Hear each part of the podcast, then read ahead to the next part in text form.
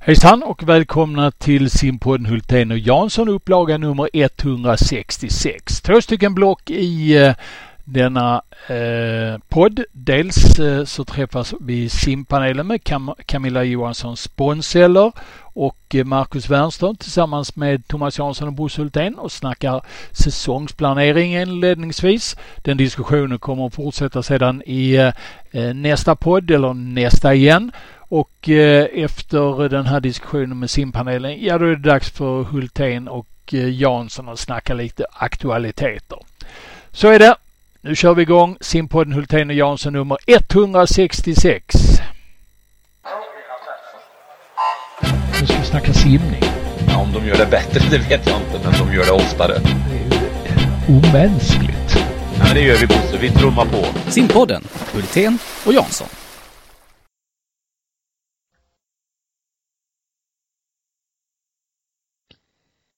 Då är vi framme vid eh, simpodden Hultén och Jansson nummer 166 och eh, tillika simpanelen med oss idag. Camilla, hej! Hej! Hej, hur är du uppe? Är du ins mer insnöad än vanligt? Absolut. Det kom eh, en meter snö igår i stor snösmocka. Så att vi håller på att gräva ut oss ur huset. Ja, trevligt. Marcus, du, eh, hur har du? Har du, har du, har du en sån här riktig skotta eller snöslunga hos dig eller? Nej, behöver man inte va? Ja, vi har snö. Eh, grejen var ju att det kom ju lite mildväder och så frös det på så nu är det mest halt. Mm. mm.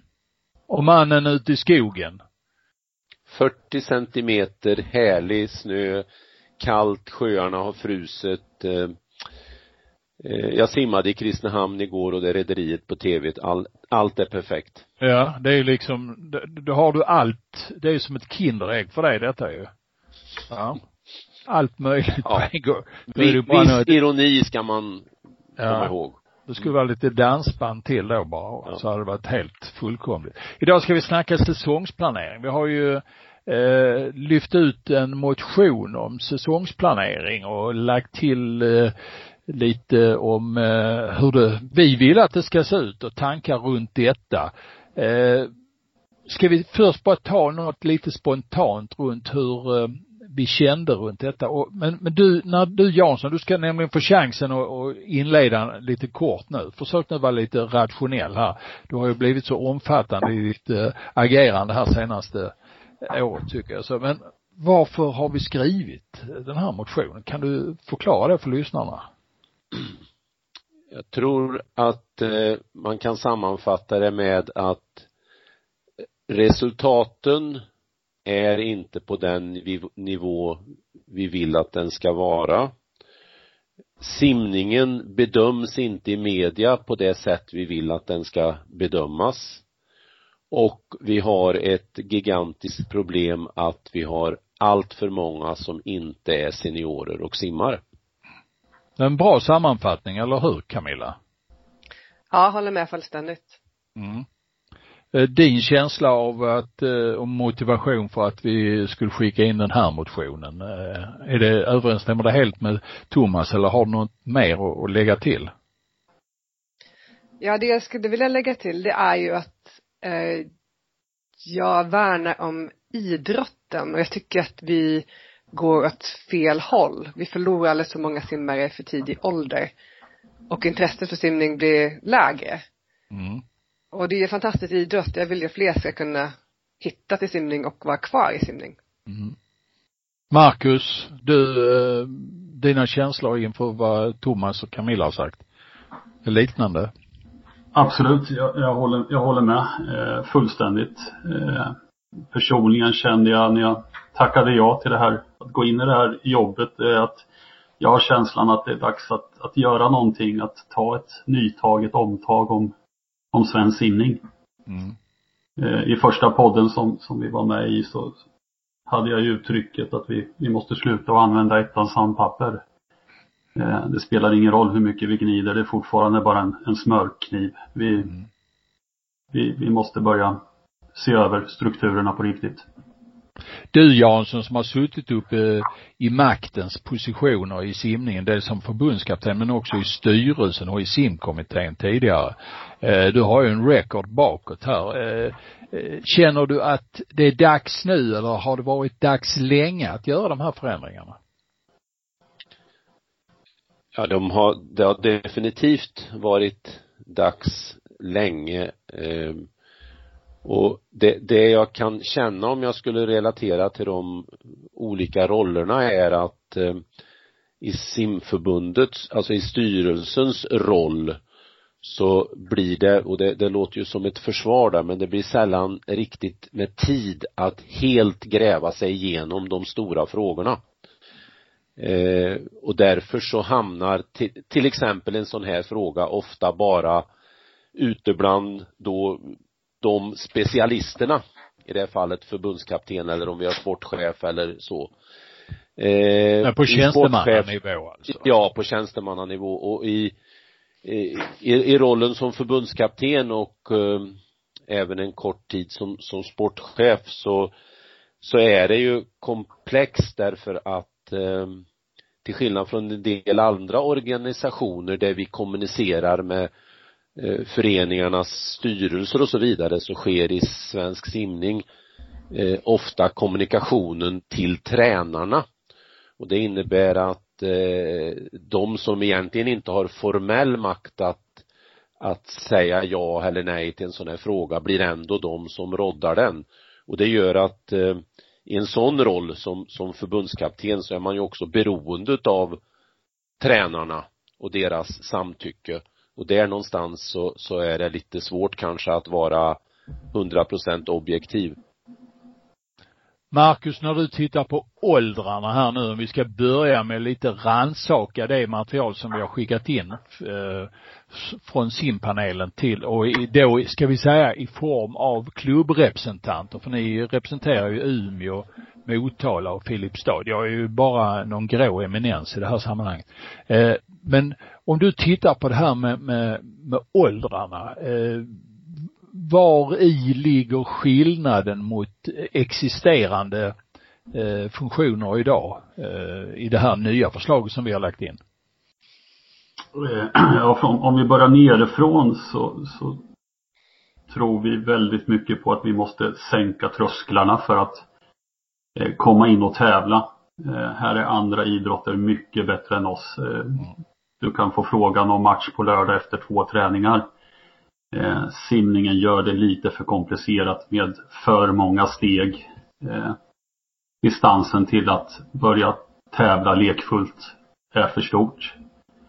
Eh, och det här har ju ingen ålder utan att, att vara nybörjare det kan man ju vara hela livet. Eh, men det är svårt att komma in som 11, 12, 13-åring och börja tävla man måste komma in långt tidigare menar du? Ja, för, Eller för det, att... det realiteten är att man Ja, så, så ser strukturen ut idag. Vi har, vi har bra knattetävlingar, snabba, rappa tävlingar på ett par timmar. Eh, där man simmar 25 upp till 50 är jättebra. Men det här skulle ju nybörjar eh, ungdomar också behöva. Alltså äldre ungdomar. 11, 12, 13 år. Eh, så det är ju en del av det här förslaget att eh, vi, vi, vi skrotar åldersindelningen på eh, barnidrotten. Att man istället går in på eh, färdighetsnivå. Mm. Och eh, tävlar lite efter, om man tar kampsporternas bälten eller utförsåkningens pister. Grön nivå, blå nivå, röd nivå. Eh, det, det, är en del. Eh, sen att inte eh, stressa fram det här. Eh, jag tror att ställer vi alla, alla tränare mot väggen och, och ställer frågan är det viktigt att vi utser en svensk mästare i 13-årsklassen så är jag övertygad om att alla skulle svara nej. Så varför håller vi på med det? Mm. Eh, så att eh, flytta den riks, eh, rikssimningen eh, och kanske, det vet vi ju inte, men förhoppningsvis så orkar vi lite längre. Och eh, vi har smörgåsbordet framför oss då när vi kommer upp i åldrarna att eh, i slutändan så ska ju SM vara vår största simfest. Idag tycker jag att det är lite bakvänt när eh, Sumsim är den största happening som händer på året.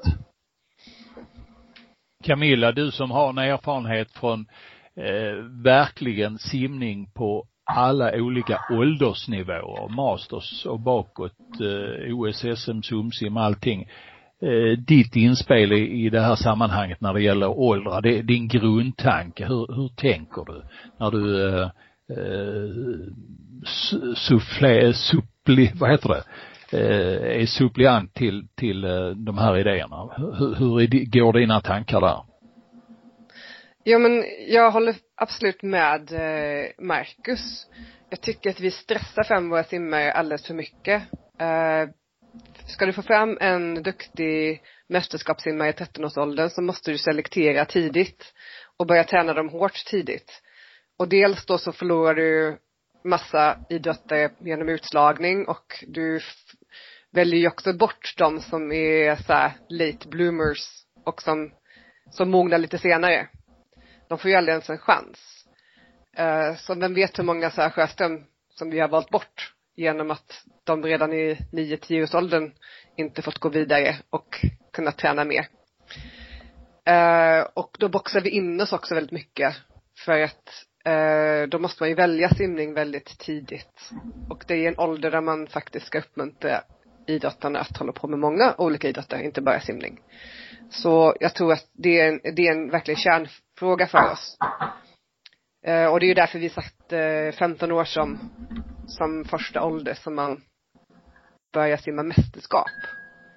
Och det är ju något som vi diskuterat mycket i simpanelen här att vi ska inte ha hela utbudet framför sig när man är bara 13. För när du är 13 kan du ju simma SM också idag. Mm. Eh, utan att vi skjuter på det. Och då tror jag att dels så kommer vi få sundare sätt att träna våra ungdomar på. Och eh, vi kommer ha ett annat tänk för de måste hålla längre. De måste inte bara vara duktiga när de är 13 till 16. Eh, och jag tror också det är väldigt viktigt att vi inte låter sumsimfesten sluta när nian slutar. För då blir det så naturlig brytpunkt att eh, man håller på tills SumSim är över, sen fortsätter man med simning. Då när gymnasiet börjar, då, då är det lätt att välja bort det och välja andra saker. Och då kommer vi förlora ännu fler simmare. Och tänker man i ett större perspektiv så är det ju seniorsimmare som vi vill åt. Eh, vi vill ju att de ska fortsätta längre.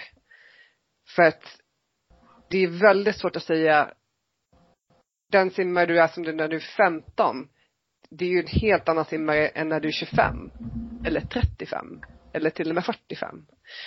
Eh, så vi vill ju att man ska kunna välja simning för livet. Och då måste vi skapa förutsättningarna för det. Thomas, du eh, som har ett eh, långt perspektiv på det här och sett eh, simning vid den tiden när landslaget befolkades av 14, 15, 16-åriga tjejer för många, många år sedan. Eh, hur känner du att de här trösklarna med, med skolåldrar och, och allt det här spelar in i, i eh, utvecklingen eh, för simmare? det blir ju en, en komplex situation eftersom eh, i stort sett all vår träning är tränarstyrd och vi bedriver då träningen utifrån det reglementet så att säga.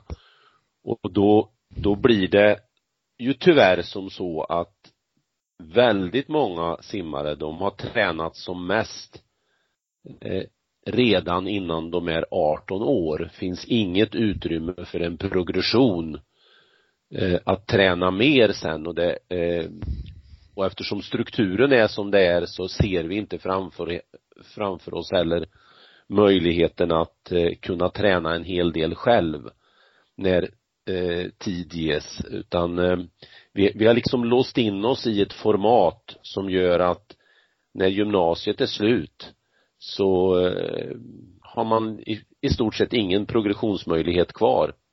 Och det är enligt alla alla kanske är ett för starkt ord, men enligt de flesta studier ändå som så lite bakvänt för att det finns mycket som tyder på att kan du skapa eh, progression i träningen upp till 25 års ålder så har du väldigt mycket kvar i i prestationsutveckling. Och det, hela det tappar ju större delen av oss, av eh, de svenska simmarna. Marcus, det nya förslaget här, hur gynnar det eh, simmarna som har gått ur gymnasiet? Kan man säga någonting om det?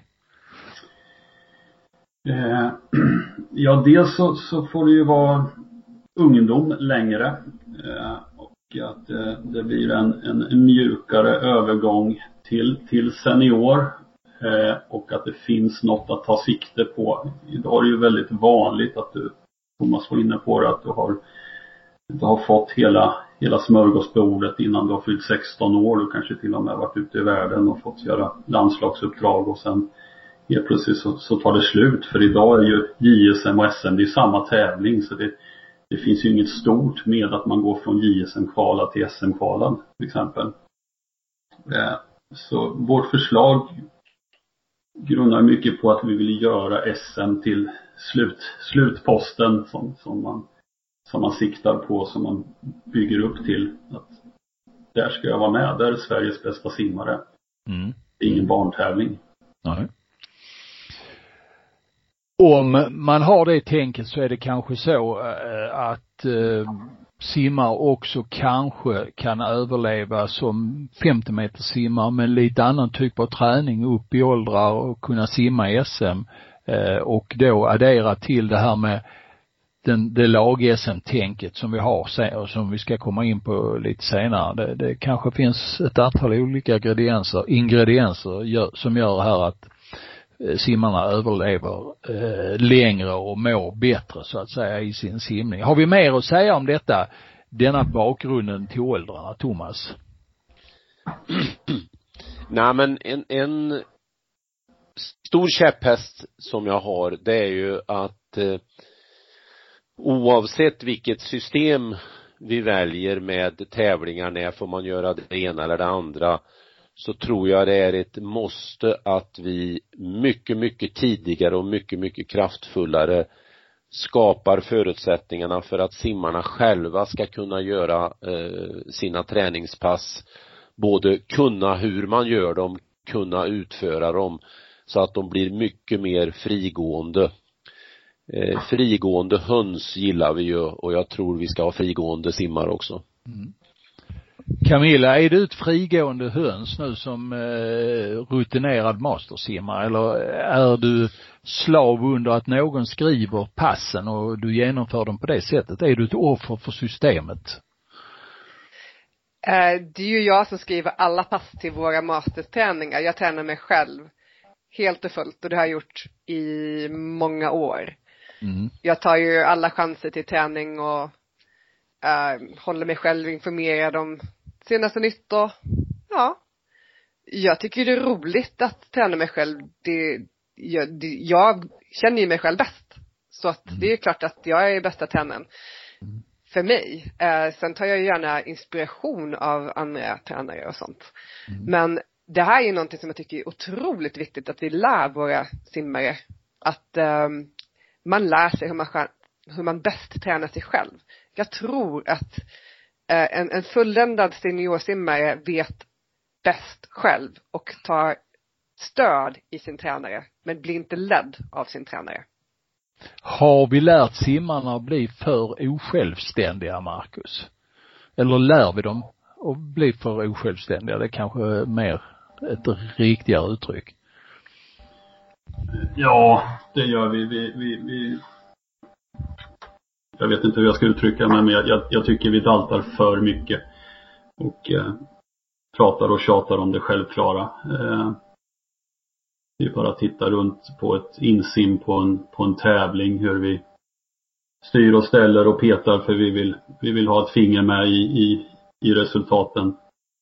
Eh, istället för att bara njuta om man kommer på ett mästerskap, vad det nu är, SUMSIM, JSM eller SM och vara med i minglet och eh, lita på att vi, vi har gjort rätt saker i rätt tid och nu är det examen. Mm. Ja, då ska Kör, kör, curla mindre i simningen också alltså? Ja, absolut. Mm. Jansson, har vi någonting vi kan avrunda det här eh, snacket om åldrar med?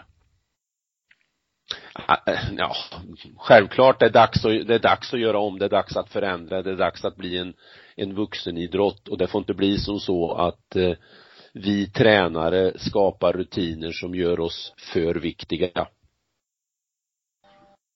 Mm. Det är viktigt också att motsatsen till det här att när vi säger att vi inte vill stressa, det är ju inte att det ska vara flams och trams utan vi ska fortfarande i hela, hela linjen träna seriöst och gärna med disciplin. Eh, för gör man, gör man sitt bästa då har man också roligt. Eh, så det är ju, det är ju tävlingsstrukturen vi, vi pratar om.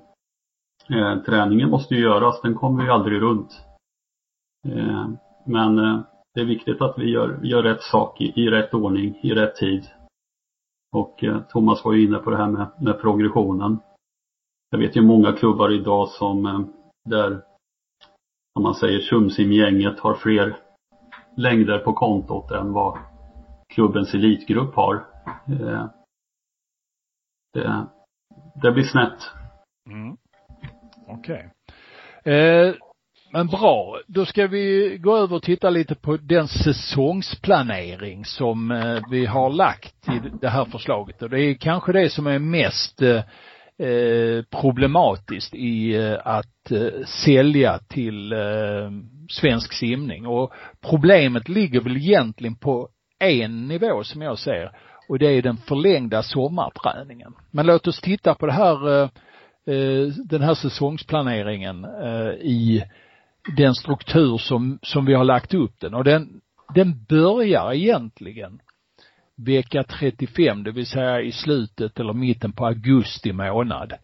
Och eh, sen så eh, ligger det ett första block som avslutas innan jul där vi har eh, lag-SM-finaler, SumSim och JS med hela det här paketet. Eh, sen nästa paket, Eh, det avslutas eh, kan man säga mitt i på vårkanten, vecka 11, 12 någonting, 13 kanske, med SM i kortbana och Swim Open. Och sen har vi då ett eh, paket som avslutas på sommaren i augusti månad, någon vecka in i augusti med SM vecka 32. Så spetsarna i det här eh, ligger, kan man säga, vecka 50, vecka 12, 13 och vecka 32. Så ser den här eh, cykeln ut under året. Och det kontroversiella i detta är då för eh, svensk simning eh, att eh, eh SM i lång bana ligger så att man måste träna och utnyttja de långa banorna under eh, hela sommaren och då, då finns det belackare här som säger att nej det, det går inte för att eh, vi måste passa den industrisemester som finns. Eh, som jag nu tycker inte riktigt finns längre men eh, så är tänket i alla fall. Och grundidén i det här, eh, Thomas Jansson, med att eh, dela upp säsongen som vi har gjort här. Kan du eh, i eh, korta ordalag lite bättre än vad jag kan uttrycka det? Nej men om, om man analyserar vilket jag haft förmånen och, och gjort i lite olika omgångar eh, vilka upplevelser man får från klubbarna under ett träningsår så, så får man input på sjukdomsperioder man får input på att det är trångt i simhallarna eh, etc. Man har alltså inte, tycker man, tillräckligt bra förutsättningar. Och då vet vi samtidigt att vi har eh, mycket bassängvatten och det är inte bara utomhus men vi har mycket bassängvatten ledigt på sommardelen. Och det betyder ju att om man nu ser ett problem att man är trångbodd så eh, ligger det ju i varje företagsledares eh, sätt att se på det att då, då ändrar man ju förutsättningarna så att man kan matcha den marknad som finns. Alltså, vi söker upp mer bassängvatten. Eh, det andra är kan, kan vi förskjuta då året så att vi inte tränar som mest precis när skolstart etc. är så minskar vi också sjukfrånvaron ganska väsentligt. Det vet vi också. Sen vet vi också att när några klubbar har hamnat i ett läge att de har tvingats simma utomhus långt in i september, oktober så har även deras sjukfrånvaro gått ner. Jag tänker till exempel på Sundsvall, jag tänker på Malmö som i omgångar har drabbats av det här. Summerar man det här så kan man konstatera att vi kan skapa bättre träningsförhållanden, friskare simmare och därmed sannolikt större utveckling. Mm. Sen tycker jag en oväsentlig del i det här sammanhanget eh, eh, är, är alltså att vi måste värna våra bassänger. Va? Vi har ju två, man kan säga att vi har två olika bassängbestånd. Eller vi kan säga, vi har tre olika bassängbestånd i Sverige. Vi har inomhusbassänger som drivs kommunalt. Vi har inomhusbassänger som drivs av professionella företag, typ Medley. Och så har vi utebassänger och dessa drivs nästan undantagslöst av kommunerna eftersom de inom situationstecken är en dålig affär. Eh, eftersom de har en kort säsong och paybacken för ett eh, professionellt företag att gå in och driva en utomhusbassäng är inte speciellt gynnsam. Och det betyder ju att våra utomhusbassänger i sig hela tiden är inom, i riskzonen för nedläggning. Det måste vara klart först. Du Marcus vet ju det om någon med ja. Motalabadet, eller hur? Tyvärr. Att eh, du, du, har helt rätt i, i vad du säger. Finns inte den här eh, pressen från simklubbarna att, att, eh, att eh, kommunerna ska hålla med eh, bra anläggningar året om eller framförallt på sommaren. Då blir de här utomhusbaden, det blir friluftsbad. Man drar ner temperaturen, man struntar i att investera i linor och vad det nu kan vara. Mm. Vi måste bli bättre på att sätta press där. Mm. Jag är helt övertygad om att så jobbar friidrotten till exempel med sina utomhusanläggningar. Eh. För tittar man på de här eh, anläggningarna och tittar på det, eh, ska vi säga träningsupplägg som finns idag, där bassängerna utnyttjas ganska bra under juni månad och kanske en vecka in i juli. Och sen står tomt tre veckor i juli, tre veckor i augusti. Möjligtvis att man försöker att, använda dem lite i slutet på augusti, men emellanåt så är det så att kommunerna stänger dem ju vid skolstart 10-15 augusti. Eh, och det betyder att vi har inte den beläggningen i de utomhusbassängerna som vi skulle behöva och det skulle vara ett ramaskri om alla Sveriges utomhus 50 skulle stängas. Och jag tror att det ligger väldigt nära till hands att det här är eh, någonting man tittar på i absolut första hand när det gäller att prioritera kommunala pengar i närmaste framtiden, speciellt efter den här, eh, de här coronaåren som vi har och lever under just nu. Alltså det är väldigt viktigt att värna våra bassänger, inte minst. Men om vi tittar tillbaka till idrotten då, Eh, det här tre säsongscykeln. Ehm, Thomas har gett oss lite hintar om eh, varför vi, vi tycker och tänker så här. Eh, Camilla, har du mer tankar om just de här det här upplägget med säsonger som vi har haft, eller som vi lägger i motionen nu? Nej men jag håller ju med om att vi behöver bli bättre på att utnyttja sommaren särskilt. Och det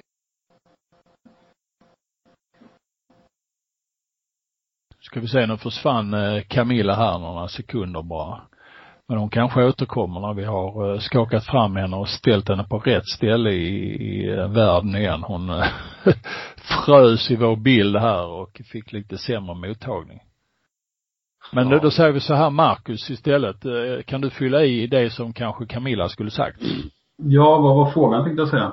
Ja, det, det var, har du ytterligare kommentarer runt det här som eh, tänket runt eh, eh Sommaren. Säsongsupplägget med tre, ja. tre eh, faktorer. För du har ju två idrotter, det är inte helt oväsentligt heller att tänka och jämföra med dem. Jag skulle ju säga det, jag står ju med en fot i triathlon också och där är det ju fortfarande så att det är en sommaridrott. Vi får se vilken väg den sporten tar tänkte jag säga. Men just nu så är det en sommaridrott och eh, eh generellt kan man väl säga att en triathlonsäsong är uppbyggd i, i två stycken cykler med ett, om man tar de som är på internationell nivå att man går mot ett Europamästerskap som oftast ligger då månadsskiftet juni-juli. Eh, så går man en cykel dit med toppning. Eh, tar ett litet kort break på en vecka kanske. Startar igång grundträning så är det grundträning i bästa träningsmånaden juli. Och sen går man in då mot förhoppningsvis ytterligare ett mästerskap som är VM slutet på augusti, början på september. Eh, så, så ser det ut i den idrotten och eh, det här tror jag att eh, vi kan översätta till simningen. Vi, har ju också pratat om i, den här panelen om att vi skulle behöva göra någonting med våra distriktsmästerskap och höja statusen där. För det är ju fortfarande ett mästerskap och alla är ju inte, alla kan ju inte vara på SM-nivå. Då måste DM vara det finaste. Mm. Så har vi då simmare som går fullt ut till VM slutet på juni, början på juli. Så kan de ta semester sen om det inte är så att de vill satsa vidare utan de accepterar den nivån de är på. Mm. Och så har du SM-simmare som fortsätter en sommarcykel till. Så det, det öppnas, mer, öppnas upp för mer individuella lösningar.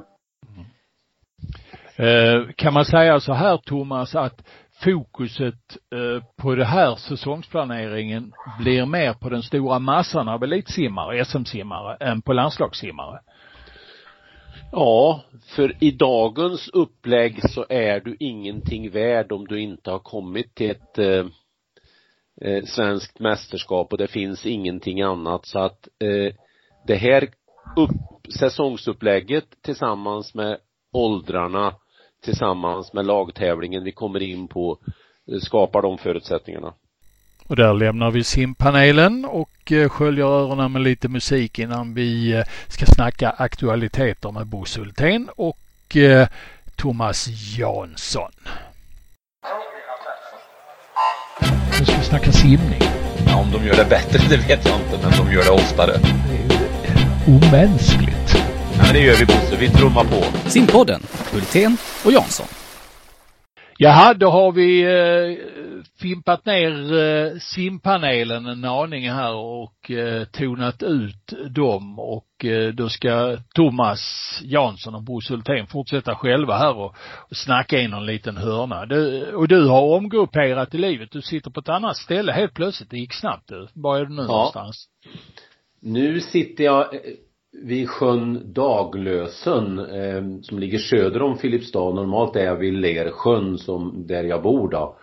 Eh, men har omgrupperat hit och det här är också andra kontrollen på det här 12 kilometers racet som så förtjänstfullt eh, Viktor Johansson gästade oss eh, i augusti eh, i, i somras. Så mm. att eh, där sitter jag och blickar ut över en eh, isbelagd och snötyngd sjö.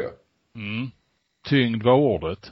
Ja. Du, eh, det är inte speciellt mycket simning på gång nu. Det brukar det ju inte riktigt vara i januari. Det brukar komma igång i februari, men det är ännu trögare än det brukar vara. Men eh, USA, ja där var man igång i helgen och simmade GP-tävlingar eh, på två ställen. Eh, ja. Richmond och San Antonio så slog man ihop lite resultat om man ville det och och lite sådär. Vi har i alla fall eh, för sista dagen presenterat de sammanslagna resultaten på simma.nu. Eh, om man går in och tittar där. Vad, vad, vad säger vi om vi tar temperaturen på den amerikanska simningen nu? Nej men eh, den är ju väldigt svår att egentligen ta på för att USA behåller ju sin sitt traditionella upplägg om jag skulle paketera hela USA i en korg att hösten består av väldigt mycket träning och, och förhållandevis eh, nästan inga tävlingar höll jag på att säga. Det var ju annorlunda för eliten i höstas med tanke på ISL. Och sen börjar man så smått att tävla och då ofta går det ganska långsamt och det har det ju gjort om jag skulle generalisera de här eh, tävlingarna också. Det är klart att det sticker ut några resultat. Eh, Ryan Murphy eh, en 56 8 på 200 rygg till exempel. Justin Rees 49 18 på 100 frisim.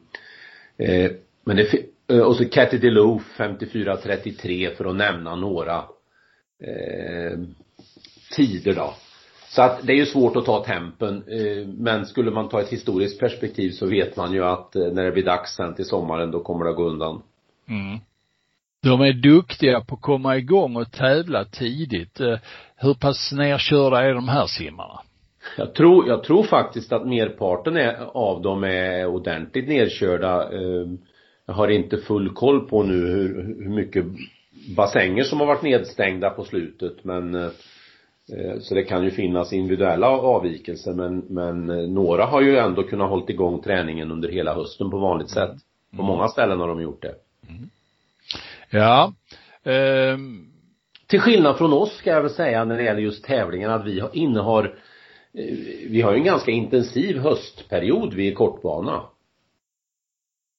Men i USA då, ja, då kommer collegesimningen igång i slutet på hösten. De ja. tränar, tränar ju ganska mycket under hösten. Ja, det gör de.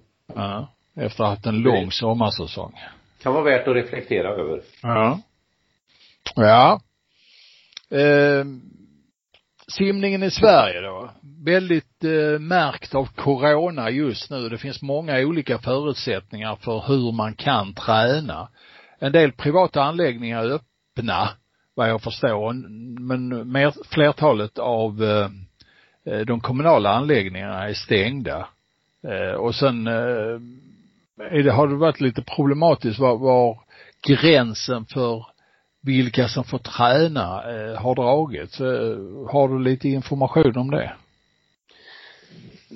Nej men eh, om vi börjar med bassänger öppna och så, så, så är det ju precis som du säger att i stort sett varenda kommunal anläggning är stängd.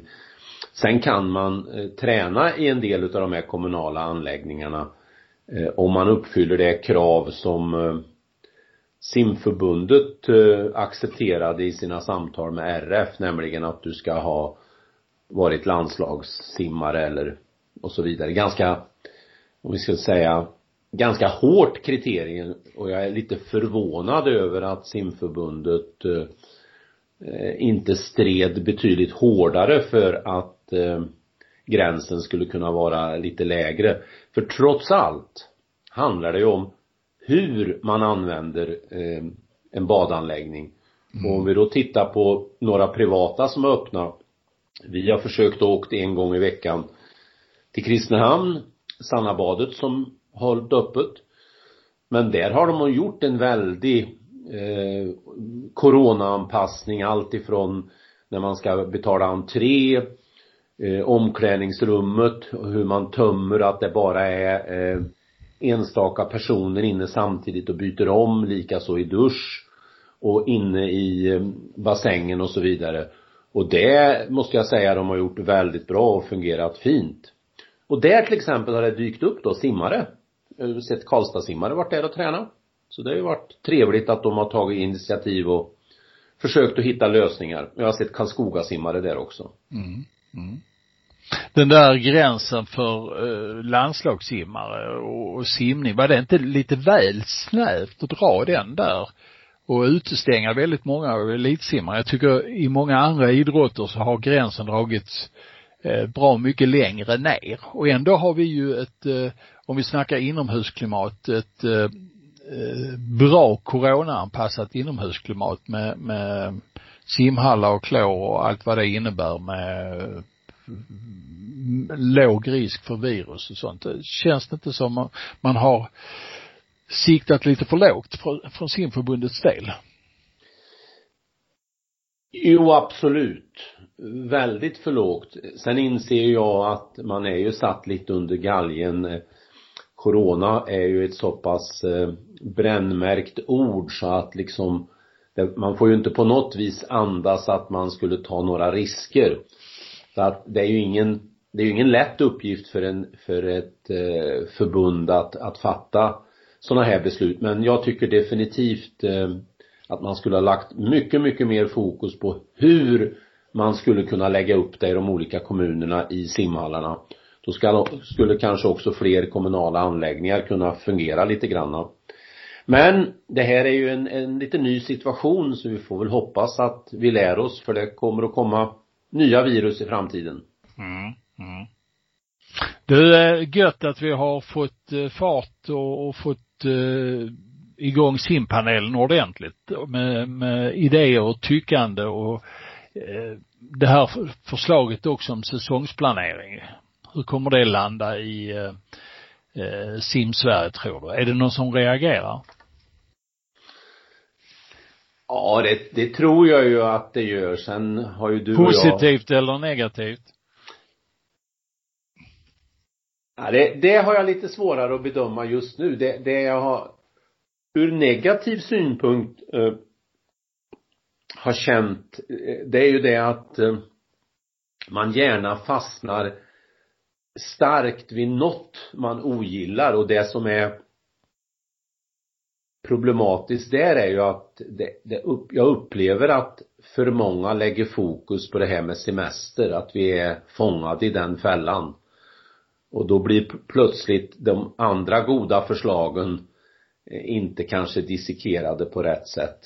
Så att jag, jag hoppas man kom, kan komma runt semestertanken när man diskuterar ett nytt upplägg för svensk simning. Är det så att de som är ledare i svensk simning sitter i styrelser och eh, eh, verkar runt som stöttningsapparat till svensk simning, är de tillräckligt initierade och intresserade av den här frågan när det gäller säsongsplaneringen? Eller har de helt andra intressen och det här styrs av andra krafter, till exempel tränarna, eh, de här frågorna? Ja, jag tror nog det finns en hel del som är ganska intresserade men jag tror det är svårt att vara fullt ut initierad och mm, som du lite grann antyder så är man nog i händerna på tränarna och, och här är, tycker jag det är viktigt att, att skilja ut för jag har ju varit eh, eh ganska tydlig många gånger med att jag, jag, tror det är viktigt att det finns eh, eh objektiva ögon som betraktar det vi gör. Alltså jag håller ju med om att det är klart att tränarna ska påverka det som är deras profession. Självklart. De är ju specialister där. Men det betyder inte att man ska ställa sig vid alltså eh, ta bort möjligheten och inte se positivt på att att andra objektiva ögon, till exempel ledare i styrelser, eh, till exempel journalister, Eh, Eh, till exempel sponsorer eller andra eh, granskar det vi håller på med och, och, och, och sätter ner fingret och, och funderar, ja men varför gör ni så där? Och det, det är den andan tycker jag vi har att jobba, vi måste jobba lite med det att bjuda in till ett jätteöppet klimat. Mm. Kul att du myntade ett nytt sånt Refat El Sayed uttryck nu, sätta ner fingret. Eh, det gillar jag. Det, det ska jag ta till mina samlingar. Ja. Ja, ja. Ja. Det är helt okej. Okay. Ja. Du, eh, har något positivt att säga om eh, Vinterstudion? Har du suttit och myst och fnyst och, och eh, lagat mat och surfat på surfbrädan, allt mellan eh, de, de här eh, åkarna och allt sånt här rör sig i det, det, det, mest positiva är ju att det är bara två månader kvar kanske, sen är det över. Nej, skämt åsido. Nej men jag, jag tycker ju faktiskt, för jag försöker ju ha lite koll, inte vetenskaplig, men jag gör ändå mina noteringar utifrån det här eftersom det har varit ett ämne som jag tycker är, är viktigt och att svensk idrott borde engagera sig i vad det är eh, SVT visar på sportsidorna eftersom det betyder så mycket för för de olika idrotterna, negativt eller positivt. Men jag tycker faktiskt att, att Vinterstudion har andats lite mer utav andra inslag.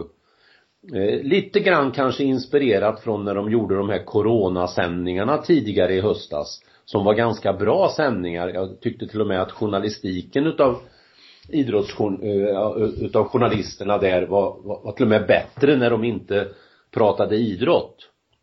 Så det är lite positivt. Eh, också lite pos positivt att även Sportspegeln har haft eh, återigen vill jag betona att jag har inga vetenskapliga anteckningar utan det är bara eh, hemmapul att jag skriver ner lite grejer. Även där att det har blivit fler inslag som inte är då de här eh, sex traditionella områdena de, de eh, speglar. Och så blev jag väldigt glad när eh, Polstjärnan fick lysa först i en sändning. Vet du vad jag menar då Bosse? Ja, det är väl eh, den här underbara, vackra idrotten skridskor som har fått en eh, exponering här nu under helgen. Ja. Eh, när van der Poel, svensken van der Poel, eh, si, simmade, eh, vann 10 000 på eh, distans-VM, eller på VM. 12.44 tror jag eller något sånt. Ja, ja, det är inte Så det är lika snabbt som din Volvo. Ja, ungefär. Ja, nej men det är imponerande och det var läckra bilder på i sporten också. Alltså det är en mm, estetiskt vackert att se ett 10 000 meters lopp. Det är mycket vackert. Ja. Det är Och det är, eh, jag menar, den, den har en, en, eh, en klassisk tradition, en tradition i svensk tv, men eh, nu har man ju fått lyfta ut den några år då. Mm. Eh, framförallt för att det kanske inte har funnits några stjärnor, men å andra sidan så så vet man inte riktigt vad som är hönan och ägget i det här sammanhanget. Så att, eh, jättekul att det är tillbaka och bra att eh, man lyfter fram den idrotten igen. Och den killen kan ju faktiskt vara ett guldhopp på 10 000 i eh, OS i Beijing 2022. Mm. För där delar man ju ut medaljer på varje enskild gren. Då är det ju Mm. inte sammanlagt utan Nej. och på VM eh, är det ju sammanlagt som gäller. Ja, det är spännande. Och det här, jag vet inte, du har säkert varit också på någon skridskotävling. Det här ljudet Jag från har faktiskt varit, jag har faktiskt varit på skridsko i Filipstad och sett Jonny Nilsson efter eh, Karutsiava-VMet åka en eh, gala i Filipstad. Ja. Ja. Men japaner och holländare och många svenskar. Då Katie var vi på samma Suzuki. gala fastän vi Ja. kände varandra inte. Nej, Katie Suzuki tror jag vann 500. Ja. Alla hette Su- Su- Suzuki på den tiden. Och, och då åkte de ju på en det var svårt att göra bra tider för att ova, skridskoovalen i Filipstad var inte 400 utan det var 333 tror jag. Ja. Jag tror han vann på över 40 sekunder. Ja. Det var två Men- skor, tre Och det här ljudet när, det var det jag tänkte säga, det här ljudet när skridskon skär isen Mm. är, Det- tycker jag är himla läckert. Då vill man inte komma emellan med fingrarna där. Nej. Och att det går så fort genom att de bara trycker åt sidan. Alltså det är Ja, det, ja det är det. det. Det har ju lite bröstsimskänsla. Ja, det är nästan lika vackert. Ja. Så är det. Ja. Du, eh, ja, det var positiva ord om eh, SVT. Men jag kan väl säga, tycker, jag har haft lite invändningar mot, eh, och inte bara SVT utan det har varit sporten eh, överlag. Alltså sättet att lyfta fram en del idrottare som jag tycker har varit eh, felaktigt. Till exempel Peter Northug denna mediatörstande missbrukare, eh, missbrukare av både media och det ena och det andra. Han har lyfts fram väldigt starkt. Och nu tycker jag man har gjort Stina Nilsson en otjänst också. Eh, som eh, egentligen skulle fått kanske i lugn och ro eh, utveckla sin nya idrott eh, eh, skidskytte istället för att hamna i hetgluggen het gluggen och stå upp i, i tv hela tiden. Då blev hon 99 av 123 i en B-tävling nere i, på kontinenten här i, häromdagen och sen dagen efter blev hon 69. Eh, det är inte snällt att, att exponera en idrottsman på det sättet, även om eh, vederbörande har varit väldigt duktig i en annan idrott. Det tycker jag känns eh, lite märkligt. Likadant som den här överexponeringen av junior-VM-kronorna. Eh, det är mycket som journalisterna eh, ska tänka efter före kanske. Och inte Mm. bara vara så rent ut sagt kåt på att eh, klicka, klickmonstret på nätet. Det är, och, och tittarsiffror, det är någonting som eh, hetsar väldigt mycket idag va. Emellanåt kan man tänka efter lite, tycker jag. Jo men alltså det är klart att de inte gjorde sin journalistiska hemläxa när det gällde Stina Nilsson. Det, det var det faktiskt ingen som gjorde, inte ens de initierade skidledarna riktigt. Eh, fakta i målet är ju, om vi, jag gillar det här med att ta in arbetstid som ett mått på att kunna göra lite bedömningar och arbetstiden på ett skidskyttelopp liknar väldigt mycket 10 kilometer skidåkning. Och går man då in och tittar på historiken för Stina Nilsson så är hon ju för det första bäst i klassisk skidåkning och framförallt i sprintåkning.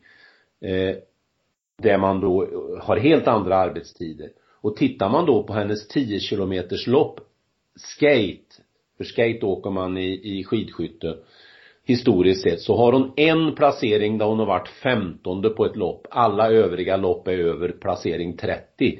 Med andra ord, det är inte hennes bästa eh, skidgren, den tekniken. Och samtidigt då som de går in och är förundrade över att hon har ganska långsam åktid och då ska man ju komma ihåg att det var inte hennes bästa och sen ska hon åka med gevär, vad det då innebär när det gäller att hitta rätt rörelsemönster och så vidare.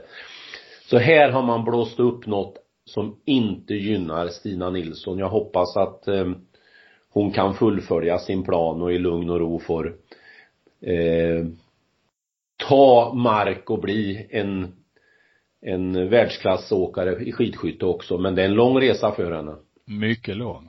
Mm. Ja.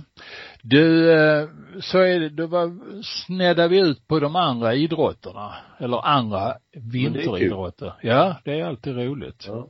Så att det inte bara blir fotboll och bandy. Mm. Så kan det vara. Det, har vi något mer att säga i sammanhanget där? Nej, men nu tar vi sikte på att eh, vi hörs igen om 14 dagar. Ja, så är det va. Mm. Eh, och så tackar vi och bugar för nu och eh, säger hej och tack till er som har lyssnat så hörs vi alldeles snart igen. Ha det gött allihopa! Nu ska vi snacka simning. Ja, om de gör det bättre, det vet jag inte, men de gör det oftare. Det är omänskligt. Ja, det gör vi Bosse. Vi trummar på. Simpodden, Hultén och Jansson.